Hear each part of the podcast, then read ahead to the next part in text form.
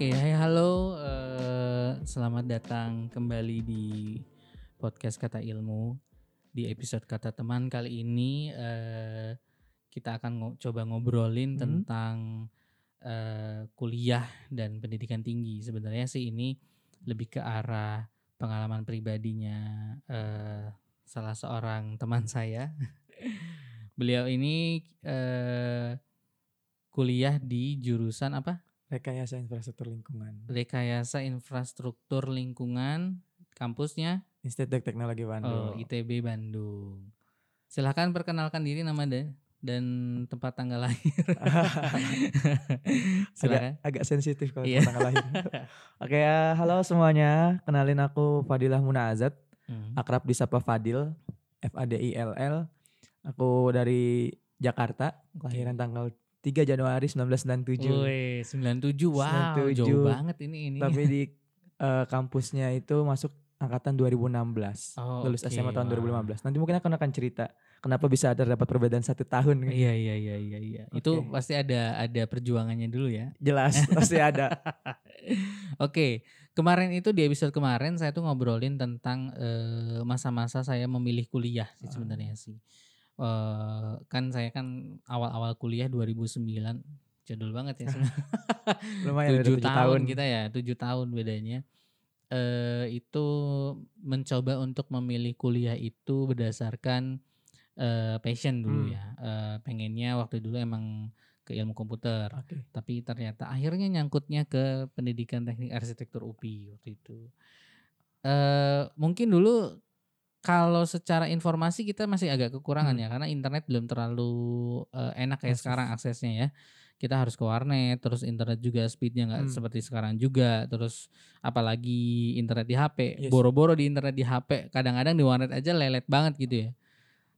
Makanya eh, saya sejujurnya merasa waktu dulu eh, kekurangan informasi Hmm. akan eh, jurusan apa sih yang bisa saya masuk dan belajar apa Hmm. di sana dan nanti jenjang karirnya ke mana. Waktu itu, waktu dulu kalau Hafadil yang rasain waktu itu gimana tuh? Oke. Aku dulu jujur waktu SMA itu akhir kelas 3 ya. Itu Mm-mm. kan waktu itu masih SNMPTN gitu ya. Mm-mm. Waktu itu aku daftarnya itu teknik kimia di salah satu universitas Oke. di Surabaya. Oh. Aku dulu alasannya cuma sekadar karena oke aku suka kimia, aku Oke. mau masuk ke teknik kimia Iya, gitu iya, kan. iya. Akhirnya SNMPTN aku nggak dapat gitu, nggak lolos. Dan dari sana ternyata mikir, emang nanti di teknik kimia mau jadi apa sebenarnya gitu kan. Oke, oke. Akhirnya setelah itu aku berpikir lagi, aku coba cari-cari lagi, Iya. bener tadi kata Kak Arif juga ya, bagaimana kita bisa lebih mudah dapat akses informasi mm-mm. di saat-saat seperti ini. Lalu waktu itu aku coba SBMPTN lah nggak apa-apa, aku coba lagi SBMPTN. Mm. Akhirnya aku menemukan eh, FTS LITB waktu itu. Iya, iya. FTS LITB, aku dari awal tuh pengennya masuknya teknik sipil sebenarnya. Oke. Kak. Cuma waktu itu oke aku SBMPTN masukinnya eh, teknik FTS LITB pilihan pertama. Karena kan oke. kalau di ITB itu tahun pertama harus masuknya fakultas dulu ya. Betul, betul. Baru tahun keduanya di, di jurusan akhirnya Mm-mm. aku SBM masukin tuh FTS LITB Hmm, pilihan oke. pertama. Sering berjalannya waktu ternyata nggak lolos juga nih. Waduh, Ah. kenapa nih kok bisa nggak lolos Oh, juga? gitu. jadi pending setahun tuh karena memang nggak lolos. Karena nggak lolos, iya. Oh, Jadi oke, oke. SNM nggak lolos, SBM nggak lolos. Setelah itu demot Oh, banget kan, iya, gitu iya, kan. iya, Pada iya. akhirnya memutuskan, aduh gimana nih Iya. kuliah di swasta aja apa gimana nih Iya, gitu. iya. Sempat kepikiran sih waktu itu Ah. kuliah di kuliah swasta di Jakarta. Oke. Akhirnya sempat menghilang juga itu kak dari Oh, kegiatan-kegiatan sosial sama orang-orang gitu kan sampai dicariin sama teman-teman gitu. Ini orang ke mana gitu kan. Hmm. Tapi mereka ngerti sih karena aku masih berjuang. Iya, iya. So- Waktu itu udah coba masuk swasta cuma setelah mikir lagi dengan uang pangkal dan uang segala macamnya Iya, iya. ternyata berat gitu kan. Akhirnya Oh, oke. waktu itu menemukan ternyata masih ada kesempatan masuk universitas negeri Mm-mm. itu di Untirta waktu itu Serang di Serang Banten, eh, Banten, Banten, Ah, oke. betul banget Serang Banten, betul. Serang Banten waktu itu nah Tempat main saya dulu. oh iya kebetulan 2015, 2016, by the way 2015 tuh saya kan kerja di Banten. ah Saya sering eh, bawa alat penelitian ke sana. oh gitu Iya. mungkin tapi kita nggak ketemu ya karena Ah, Banten iya, luas Serang ketemu luas sekali iya. oke aku lanjut ke ujian mandiri Heeh. Untirta gitu nah waktu itu pilihannya adalah aku milih teknik industri itu Heeh. berbeda lagi juga kan Heeh. dengan Iya, apa yang iya, aku betul, niatkan betul. di awal gitu Berarti karena awalnya memang awalnya kamu udah menentuin jurusan dulu. Iya. Oh, oke. Karena pas aku cari-cari di teknik di Untirta sendiri Iya, tuh iya. sebenarnya yang paling bagusnya apa sih? Karena itu Iya, waktu iya. aku masih bersikukuh dengan aku mau masuk dunia teknik gitu Oke, kan. oke.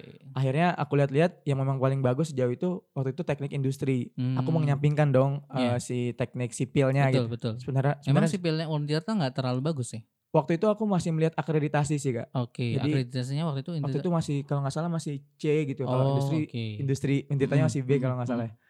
Jadi akhirnya ya udah aku konsultasi dan kebetulan karena waktu itu aku mikirnya gini sih. Teknik industri Untirta, Untirta itu kan di Cilegon ya kalau kampus betul, tekniknya. betul. Waktu itu aku mikir, wah kalau misalkan masuk teknik industri kan banyak banget kawasan Iya, industri Cilegon Iya, gitu. Iya, iya. Itu bisa jadi ya gerbangku Iya. lah untuk masuk ke industri Cilegon. Cilegon juga tempat saya main dulu. Nah itu kan jadi tempat kerja saya dulu justru bahkan. jauh juga nih ya iya, mainnya iya, dari iya. Bandung Ah, Serang Cilegon. ah. Nah itu dia sih kak. Pada akhirnya ya udahlah, oke aku ikut ujian mandiri dan alhamdulillah lolos Oke. teknik industri. Akhirnya aku coba eh, ya udahlah kuliah dulu aja Mm. setahun di Untirta gitu. Eh, by the way, uang pangkalnya waktu itu juga udah dibayar. Uang pangkalnya udah dibayar waktu itu. Waktu itu udah dibayar. Terus oke aku memutuskan untuk masuk Untirta dulu aja setahun Iya, iya. sambil belajar SBMPTN Oke. waktu itu. Sambil ngulas lagi karena aku mikir seiring berjalannya waktu pas kuliah tuh aku mikir kayaknya masih harus perlu dikejar deh ini cita-cita nih gitu. Masih ada Hmm. mimpi yang harus dikejar Iya, gitu. iya, iya. Masih ada sesuatu yang memang pengen aku dapatkan Iya, gitu kan. Dan kamu masih yakin waktu itu ya? Dan aku masih yakin di sana waktu itu. Hmm. Akhirnya setahun aku kuliah di Untirta, aku sambil menyiapkan bekalku untuk Mhm. SBMPTN lagi tahun setelahnya. Aku siapin, alhamdulillah tuh waktu itu aku ikut tes dan alhamdulillah lolos. Ah. Alhamdulillah tahun kedua lolos di FTSL ITB. Alhamdulillah. Alhamdulillahnya. Tapi ada suatu permasalahan lagi Apa gitu tuh kan. permasalahannya? Jadi waktu Untir masuk daftar FTSL Mm, ITB, mm, itu tuh aku waktu itu sempat di apa dibantuin pendaftarannya sama temanku. heeh. Jadi waktu itu mereka dia lah yang ngurusin pendaftarannya. Waktu itu Oke, aku oke, cuma ngasih, oke. oke aku mau pilihan pertama itu Iya, FTSL iya, ITB. iya, iya. Nah ternyata pas aku lihat pe- pendaftarannya, FTSL ITB yang didaftarkan adalah FTSL ITB Jatinangor. Ah. Sementara yang ingin yang aku inginkan adalah FTSL ITB Yang Ganesa. oke, iya, Ganesa. yang di Bandung gitu kan. Karena teknik sipilnya ada di Betul, Ganesa. betul, betul, betul.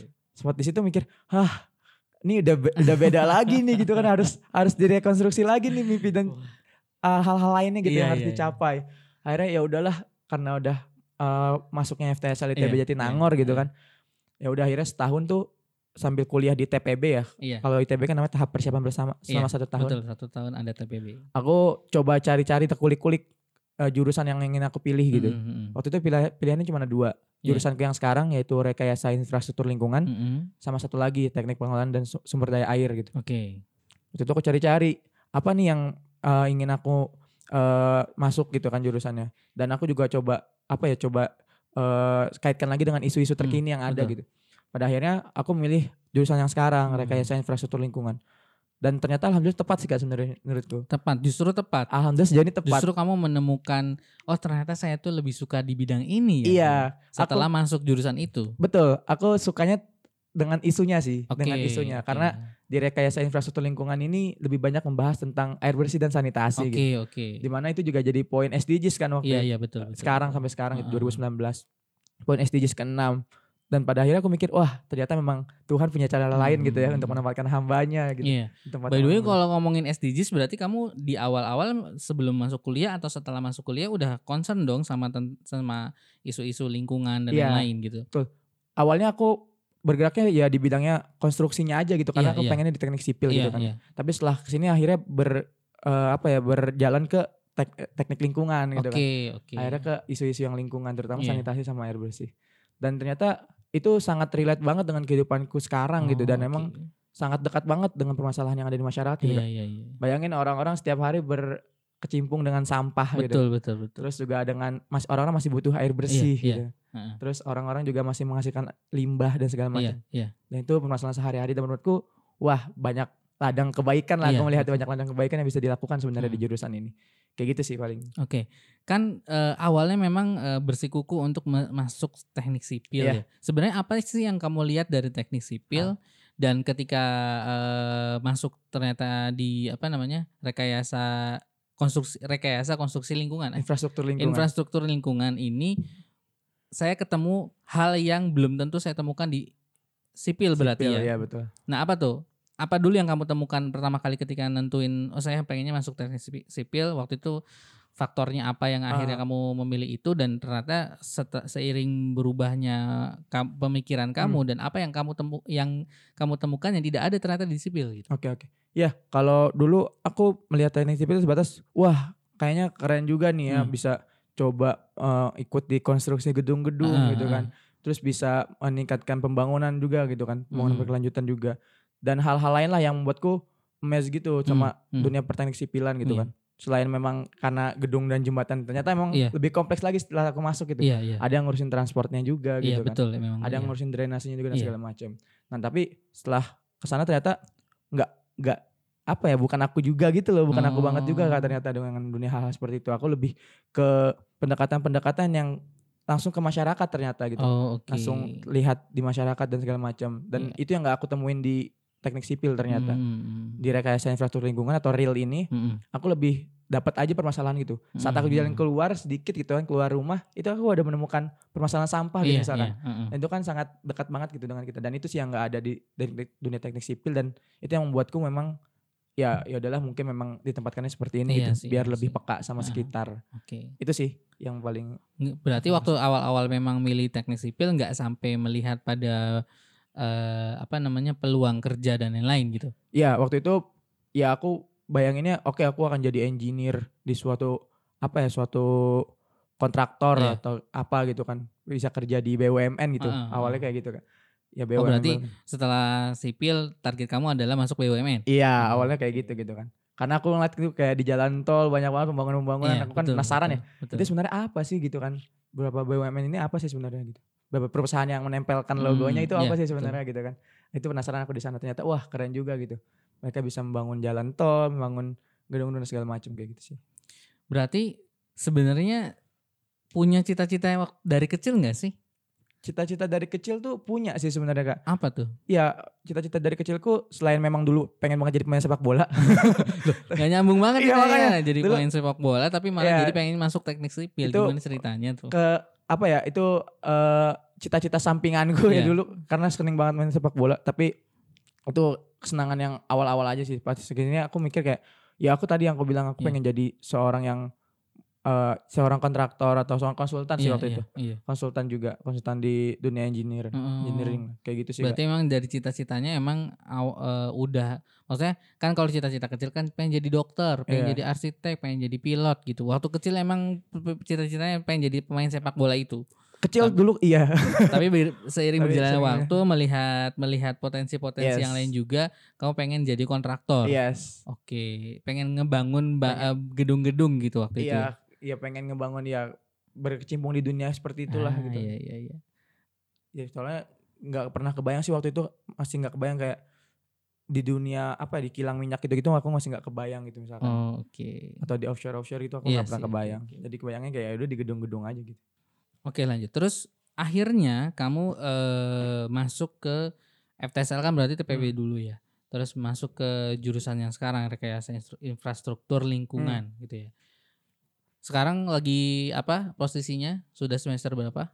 sekarang aku semester 8 sih sebenarnya Semester 8. semester masuk ke semester 9 sih Iya, lagi ngerjain Lagi- skripsi berarti. lagi ngerjain skripsi betul banget Skripsinya tentang apa kalau boleh tahu? aku tentang eh, air bersih sih jadi aku mengolah air sungai Ah. menjadi air bersih yang bisa dipakai sama masyarakat di PDAM Oke, sih oke, oke. gitu Oke, terus eh eh, dari hasil skripsi kamu sebenarnya kamu pengennya eh karya kamu ini karya karya Hmm. ilmiah kamu ini jadi dijadiin apa nanti? karena aku sebenarnya sekarang tuh lagi ini ya lagi sebenarnya sekalian menyelesaikan permasalahan yang Hmm. ada di PDAM. Jadi Hmm. aku ngambil topiknya tuh air bersih di Hmm. PDAM Karawang.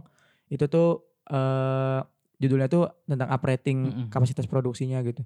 Jadi karena kan masyarakat Kabupaten Karawang itu semakin lama semakin bertambah. Iya. Artinya juga kebutuhan air bersih mereka semakin Betul, bertambah betul, gitu kan. Pasti. Tapi kapasitas PDAM-nya untuk memproduksi air bersih itu masih minim lah kayak gitu. Dan di sana aku coba mengevaluasi dulu keberjalanan PDAM-nya, lalu aku coba apa yang kurang dan coba aku desain di sana gitu. Jadi harapanku eh skripsiku itu bisa bermanfaat buat mereka sih, buat Oke, oke, mereka, oke. buat pertimbangan mereka lah Hmm, hmm. untuk membangun misalkan eh instalasi pengolahan air yang Iya, baru iya. gitu. Berarti kerja sama sama Pemdanya juga nggak? Sejauh ini enggak sih. Ini enggak? aku masih cuma ke ininya aja ke PDAM-nya aja. Oke oke. Jadi Soalnya iya, soalnya kan kalau skripsi atau eh, hasil penelitian sebenarnya bisa kita ajuin ke Pemda sebagai eh, rekomendasi, Rekomendasi. sebenarnya sih. betul betul. Tapi sejauh ini aku masih sama PDAM-nya aja sih. Mm, mm, mm. Masih konsultasi ya. Karena mereka juga masih belum tahu sebenarnya bisa merealisasikan untuk meningkatkan Iya iya. kapasitas air produksinya itu sampai kapan. Oke oke oke oke. Gitu sih. Eh selama eh kan ini agak backtrack sedikit ya. Hmm. Selama di Untirta waktu itu kan sempat masuk Untirta. Sebenarnya eh waktu masuk Untirta kamu seneng gak sih?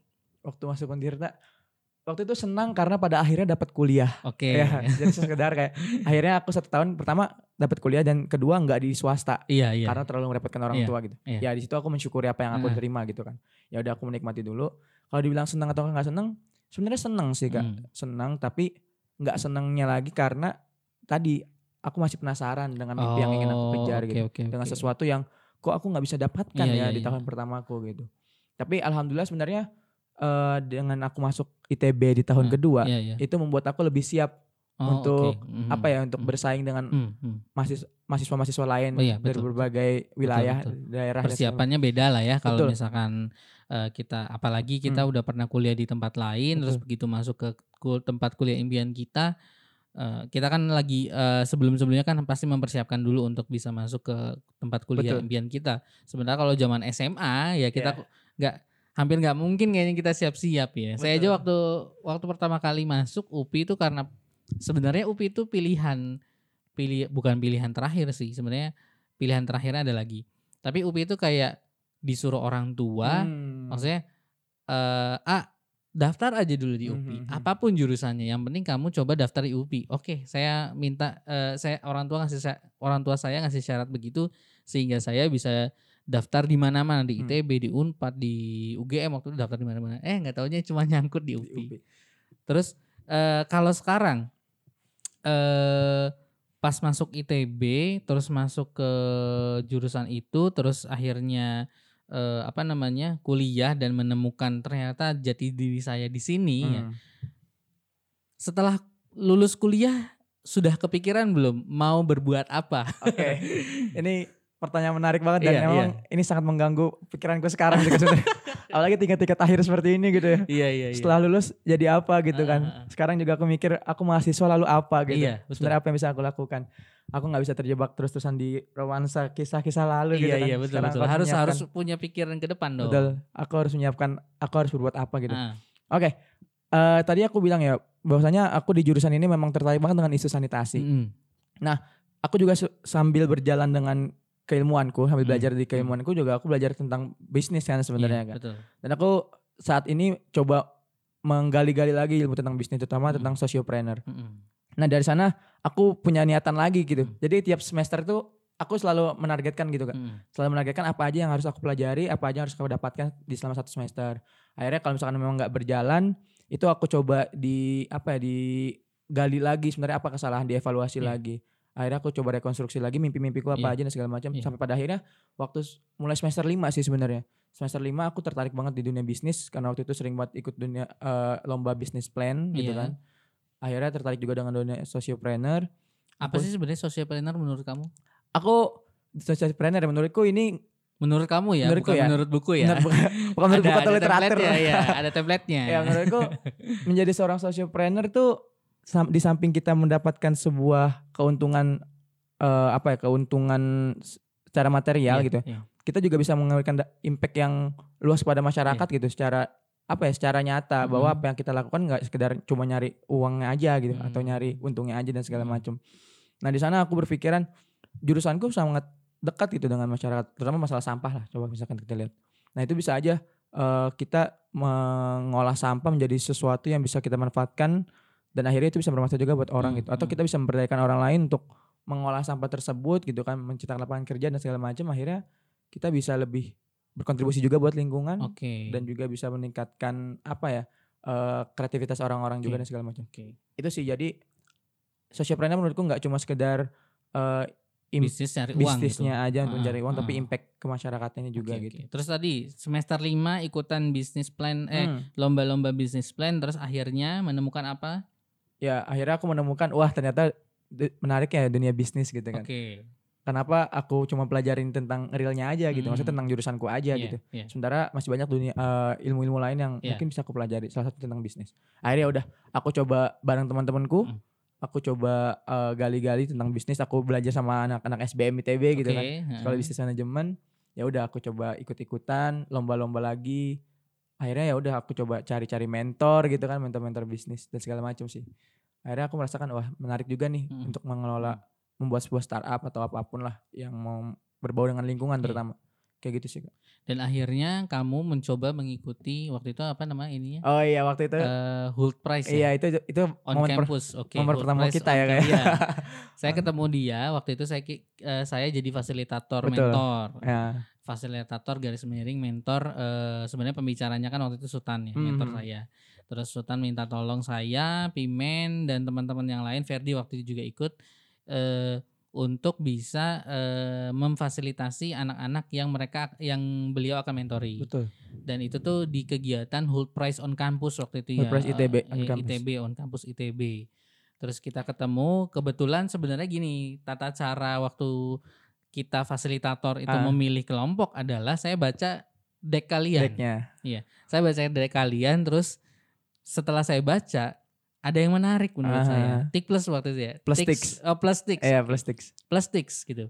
Karena dalam sisi bisnis eh, saya melihat dek kalian itu eh, belum keluar Yes. eh, apa namanya eh, informasi yang eh, dibutuhkan oleh investor maupun orang-orang yang akan eh, even orang-orang yang ingin membeli Hmm. produknya gitu. Kalian cuma men- menampilkan produknya ini akan jadi ini terus nanti keuntungannya akan membantu apa sanitasi Iya. waktu itu ya apa perbaikan akses sanitasi. perbaikan akses sanitasi. Saya nggak nemu linknya nih, Ah. makanya oke deh saya ambil nih.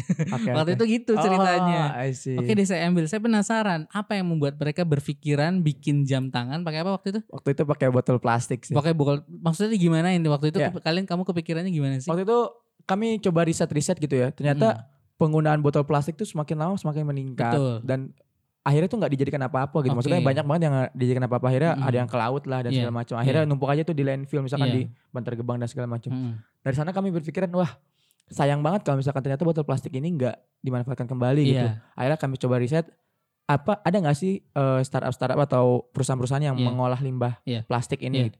Akhirnya nemulah ya mereka seperti biasa ngolah plastiknya barang-barang plastik yang baru gitu Iya, kayak misalkan ada yang bikin gayung gitu kan, Oke. ember dan Heeh, segala macam, pokoknya heeh. bahan-bahan berbaterai plastik. Iya betul.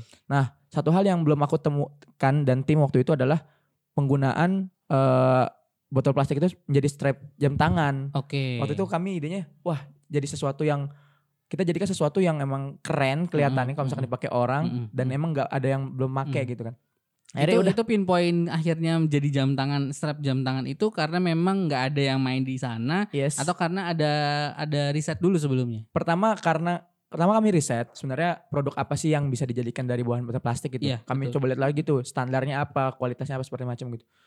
Dan akhirnya kami menemukan wah strap jam tangan belum ada nih yang jual. Oke. Adanya salah satu perusahaan yang menjualnya itu jam ta eh, bukan gelang. Oke, gelang, gelang, gelang. waktu itu Ah. gelang. Ya udah akhirnya kami bikinnya strap jam tangan aja gitu. Iya. Pokoknya waktu itu kami cari kita harus bikin barang yang yang terlihat keren lah, terus di- Mm-mm. sering banget dipakai sama orang. Mm. Akhirnya ya udah strap jam tangan kami bikin dari botol plastik. Waktu itu belum kepikiran juga gimana cara bikinnya gitu.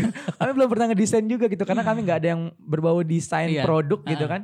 Akhirnya ya udahlah coba beranikan dulu aja masukin ke Oke. Health Price ITB Ah. gitu. Alhamdulillah waktu Siapa itu tahu dapat gitu. ya. dapet gitu kan dan akhirnya bisa dapat apa ya masukan-masukan dan segala Ah. macam. Akhirnya waktu itu alhamdulillah sampai grand final gitu Iya. kan, sampai enam besar waktu itu dan alhamdulillah ketemu Kak Arif nih jadi Iya. awalnya kita cuma kami cuma kayak merasa nih kami apa banget sih gitu kan.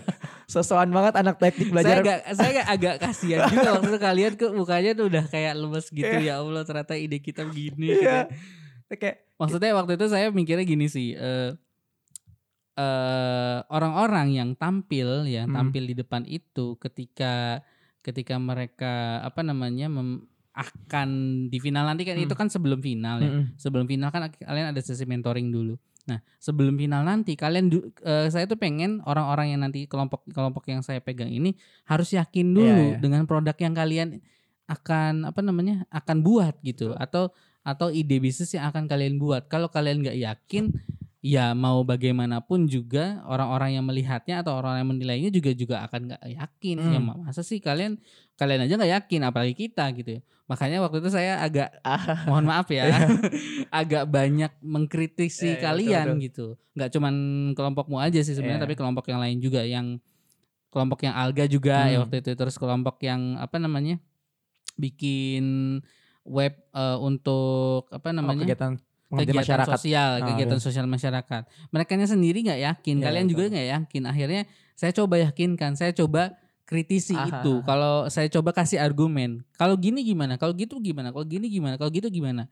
Karena bisa jadi, walaupun saya mikirnya gini, Ah, eh, walaupun eh, nantinya belum tentu menang, ya, tapi minimal kalian yakin dengan ide kalian sendiri Yes, gitu. Waktu yes. itu gitu. betul. Kalian nganggap saya waktu itu gimana sih?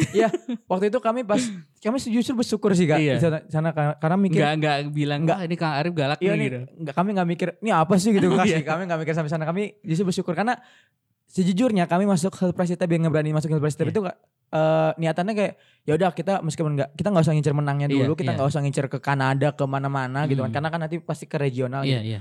Kita nggak usah ngincer itu kita coba ngincer pembelajarannya dulu Iya. aja gitu akhirnya waktu inkubasi itu dapat banyak banget Iya, gitu iya. kan waktu Hmm. inkubasi bisnis tuh dapat banyak banget entah start with why-nya gimana Iya, itu aja iya. kami belum Heeh, dapat gitu heeh. kita bagaimana mulai si bisnisnya itu gitu Iya, kan. Padahal kami ngerasa ini kami uh, lack of preparation banget gitu Iya, kan. iya, heeh, Kayak minim banget kita riset dan segala macam akhirnya. heeh. Dan situ mikir wah ternyata menarik juga nih. Makanya waktu itu setelah inkubasi selesai aku langsung nyamperin ke Arif Betul, gitu kan. betul, betul. Akhirnya Aku ajak ngobrol lagi. Awalnya mikir 30 menit ngobrol nggak apa-apa lah ya. Akhirnya berjam-jam waktu itu kita ngobrol ya kayak. Satu setengah jam Setengah kayaknya sampai maghrib ya, gitu sampai dari jam 4 maghrib. sampai jam sampai maghrib. Lebih kayaknya kalian tuh pulang sekitar jam 7 setengah 8 Iya. setelah teman saya datang kan. Betul betul. Heeh. Dan di sana kami mikir awalnya ada demot sih. Ya udahlah kita nggak usah ngelanjutin bisnis ini Hmm, lagi lah. Awalnya kayak oh, gitu sih. Cuma makin ke sini makin penasaran sebenarnya Iya, pengen iya. ngejalanin karena ya banyak lah.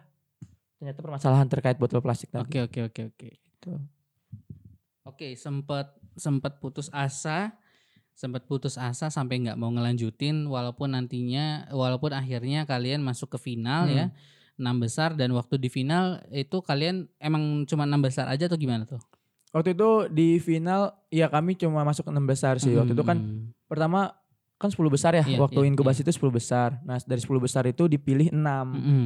Kalian yang termasuk yang Ya, masuk. jadi 10 besar itu kami pitching dulu sekali. Iya. Setelah pitching sekali baru dinilai sama Iya. juri dan alhamdulillah kami lolos 6 Oke. besar. Ada yang diubah nggak tuh sebelum pitching yang pemilihan enam besar itu? Iya, waktu itu kami langsung ubah pi- pitch decknya tuh. Oke. Wah, banyak banget lah hal-hal yang udah kami ubah tuh harus masukin ini, Oke, masukin ini segala macam. Di cuma dikasih waktu prepare buat 30 menit atau satu Iya, jam iya, gitu. iya. Akhirnya udah kami ubah pitch decknya. Ya udah ya udahlah tampilin aja lah apa Oke, yang emang udah kami kepikiran gitu, dulu ya seadanya waktu dulu aja. ya. Kayak nothing tulus aja lah udah Iya, iya. pokoknya. Akhirnya ya udah kami cuma berhasil di 6 besar. Tapi nggak tahu sih kami urutan berapa sebenarnya. Iya, iya. Ya udah akhirnya kami nggak lolos 1 2 3. Heeh. Cuma tadi sih yang tadi aku bilang pembelajarannya dapat banyak banget Oke, terutama oke. tentang bisnis Betul, karena betul, betul. ya kami eh berkecimpung di dunia engineer gitu Iya, kan iya. yang hanya mikirnya itu itu aja gitu Oke, dalam tanda kutip itu sih Sebenarnya sih ini sih eh, saya tuh selalu kalau jadi mentor atau jadi fasilitator atau jadi pembicara di kegiatan-kegiatan tuh Hmm.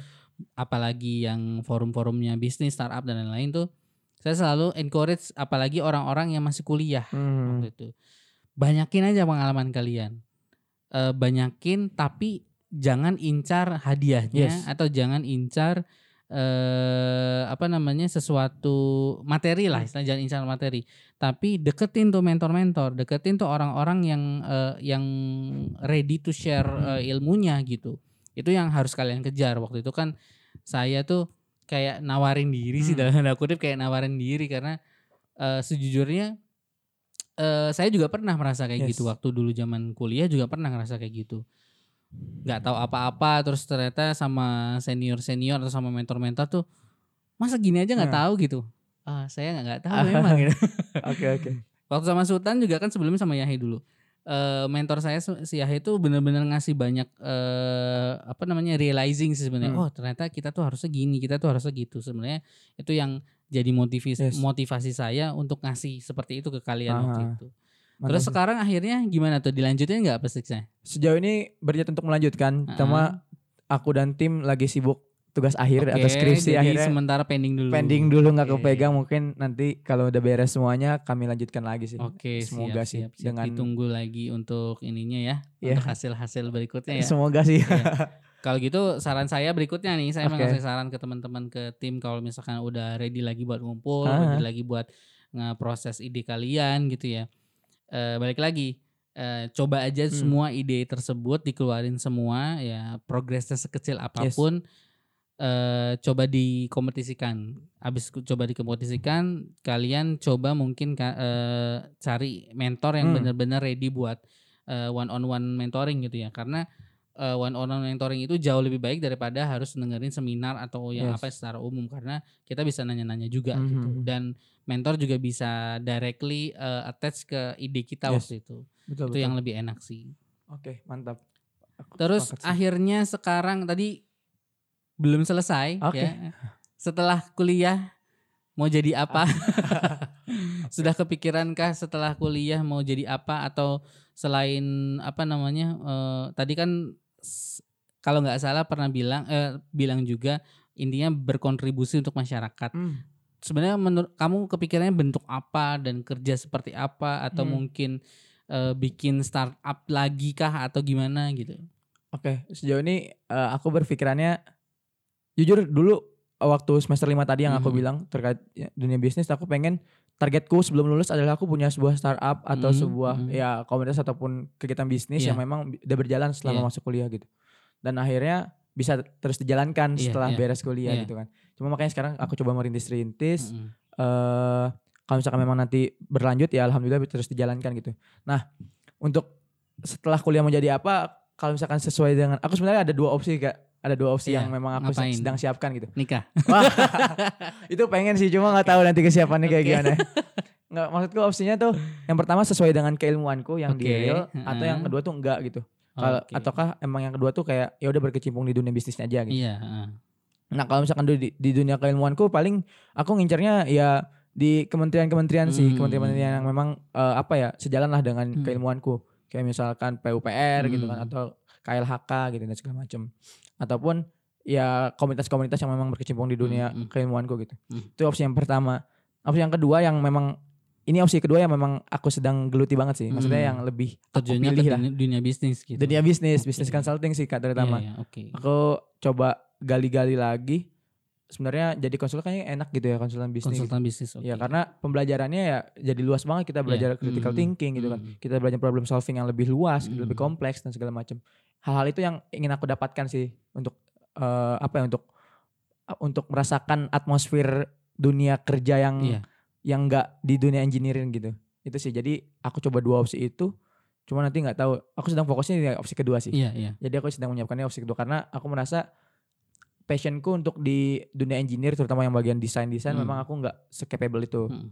Aku nggak secapable untuk isu-isu eh untuk gambar-gambar dan segala macam. Tapi untuk isu sanitasinya aku Hmm. sangat masih sangat aware. Oke, oke. Makanya ke depannya kalau misalkan ditanya lulus mau jadi apa, pertama yang tadi opsi kedua, eh yang opsi kedua tadi aku coba eh sejalankan dengan tadi membuat startup tadi Hmm, atau hmm, komunitas atau apa pun hmm. lah atau gerakan apa pun Mm-mm. yang memang bisa kontribusi ke masyarakat itu Oke, oke, mantap. itu mantap. idealis banget sih. Mm. Cuma nanti nggak tahu kalau misalkan terbentur dengan realis realismenya seperti apa gitu Iya, kan. Oke.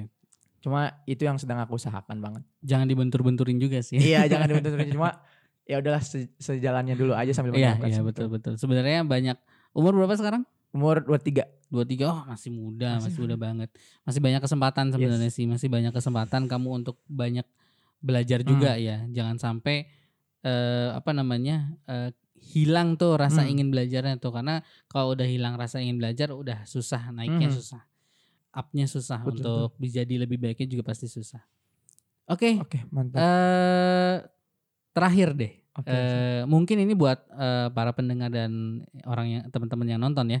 Eh, kamu kan sempat eh, struggle tuh di awal-awal masa Yes. kuliah, sempat kuliah di tempat yang eh, tidak diinginkan, Hmm. walaupun akhirnya eh, walaupun akhirnya kuliah di tempat yang ke, yang diinginkan juga, tapi jurusannya tidak sesuai dengan apa yang diinginkan gitu.